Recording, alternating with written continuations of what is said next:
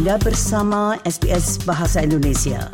Dapatkan lebih banyak lagi cerita bagus di sbs.com.au garis miring Indonesia. Para pendengar, Indonesia kaya akan laut dan karena itu kaya akan pasir laut.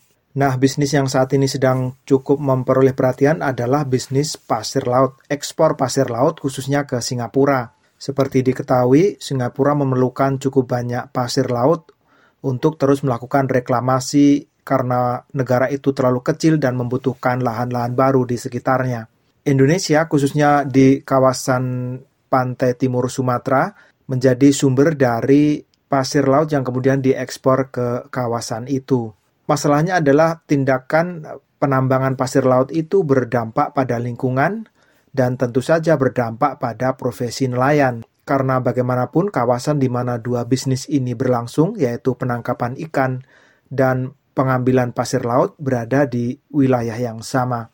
Saya berbicara tentang isu itu dengan Budi Laksana, Sekretaris Jenderal Serikat Nelayan Indonesia, untuk berbincang tentang fenomena bisnis ekspor pasir laut dari kawasan Indonesia ke beberapa negara tetangga. Halo, maaf. Halo, selamat siang Pak Budi siang, Mas Hadi. Ya, uh, soal ini Pak yang lagi rame soal ekspor pasir laut ini Pak. Uh, kalau ya, ya. organisasi ya. lingkungan kan sudah banyak yang menolak rencana itu. Kalau ya, ya. teman-teman SNI bagaimana sikapnya nih? Ya sebenarnya sih kalau SNI melihat PP 26 tahun 2023 ini sebenarnya kan lebih banyak kepentingan bisnisnya ketimbang kepentingan uh, kesejahteraannya ya. Kalau dilihat ini kan pemerintah ini lagi coba apa mengejar target uh, penerimaan negara bukan pajak gitu ya. Jadi bagaimana mengejar pendapatan itu dia cari celah untuk melegitimasi ekspor pasir laut ini. Padahal kan kita tahu itu 20 tahun yang lalu tuh kan sudah dilarang ya. Tetapi sekarang pemerintah membuka lagi. Nah kalau dampak yang pasti itu mas uh, lingkungannya ya yang jelas ya.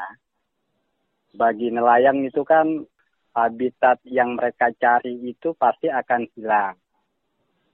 Nah yang kedua itu uh, banyak konflik nelayan dengan uh, para petambang pasir laut uh, terutama ya kalau memang akhir-akhir ini terjadi misalnya di Lampung itu kan banyak nelayan uh, rajungan yang kemudian berkonflik, lalu dia pindah mencari rajungannya, lalu dampak lain ya pasti sebagian desa pesisir pasti akan ya uh, mempunyai apa resiko yang cukup besar ya seperti hilangnya kawasan desa pesisir. Saya kira itu uh, resikonya hmm. tadi itu.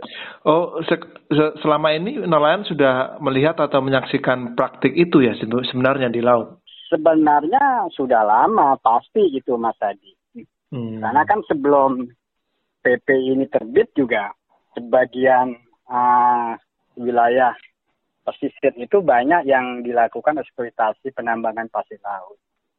Dan itu uh, langsung memang merasakan dampak nelayan selain susahnya habitat ikan yang dia cari, yang nelayan cari, lalu jangkauan wilayah tangkapnya juga semakin jauh gitu. Oke. Okay. Dan memang uh, krisisnya ya terkikis lah itu kan, jadi tenggelam lah itu desa-desa uh, yang pesisir itu seperti hmm. itu Mas Adi. Tapi apakah benar alasan pemerintah bahwa di laut itu terjadi sedimentasi begitu luas sehingga mengganggu uh, kapal-kapal uh, begitu? Ah, sebenarnya sih Mas Adi kalau saya dengarkan ilmuwan ya yang juga menolak itu kan sebenarnya dasar sedimentasi itu nggak nggak seperti itu. Makanya kan pemerintah juga tidak bisa menunjukkan sebenarnya yang disebut sedimentasi itu secara keilmuan itu seperti apa. Oke. Okay, okay. Nah yang kedua di mana titik-titik sedimentasi di wilayah Republik Indonesia itu di wilayah kepulauan atau di mana nggak ada itu yang sebenarnya sedimentasi hmm. itu alasan-alasan yang dicari-cari aja sebenarnya itu Mas Adi. Pak Budi berarti ini nelayan-nelayan terutama yang di kepulauan kecil-kecil di pesisir mungkin yang akan paling terdampak kalau PP ini akhirnya betul-betul direalisasikan ya? Iya, iya. Yang jelas sangat berdampak sekali buat uh, nelayan yang memang hidupnya tergantung dari wilayah tangkapnya. Apalagi di situ ada menjadi tempat eksploitasi pasir ya, pasir laut itu pasti sangat sangat rentan, sangat uh, terjadi dampaknya. Tidak hanya nelayan, tapi ya keluarga nelayan ya, semuanya itu terdampak semuanya itu. Jadi dengan risiko ya menghilangkan pekerjaan nelayan sehingga nelayan itu ya sudah susah mencari ikan ditambah masalah lagi seperti itu ya ya pasti sangat merugikan sekali itu Mas Adi. Oke. Praktiknya mungkin akan sama ya kalau pasir yang ditambang. Pasti pasti.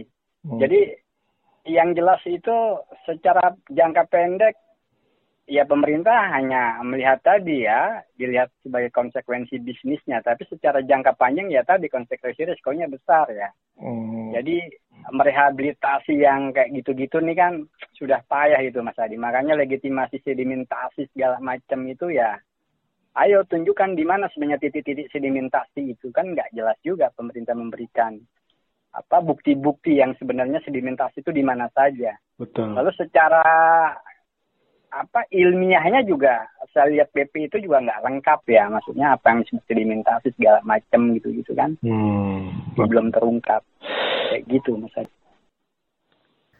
Para pendengar Budi Laksana, Sekretaris Jenderal Serikat Nelayan Indonesia, mengupas tuntas bagaimana pandangan para nelayan di Indonesia terkait dengan bisnis ekspor pasir laut yang mau tidak mau langsung tidak langsung akan berdampak kepada mereka. Terima kasih, sampai jumpa kembali. Anda ingin mendengar cerita-cerita seperti ini? Dengarkan di Apple Podcast, Google Podcast, Spotify, atau di mana pun Anda mendapatkan podcast Anda.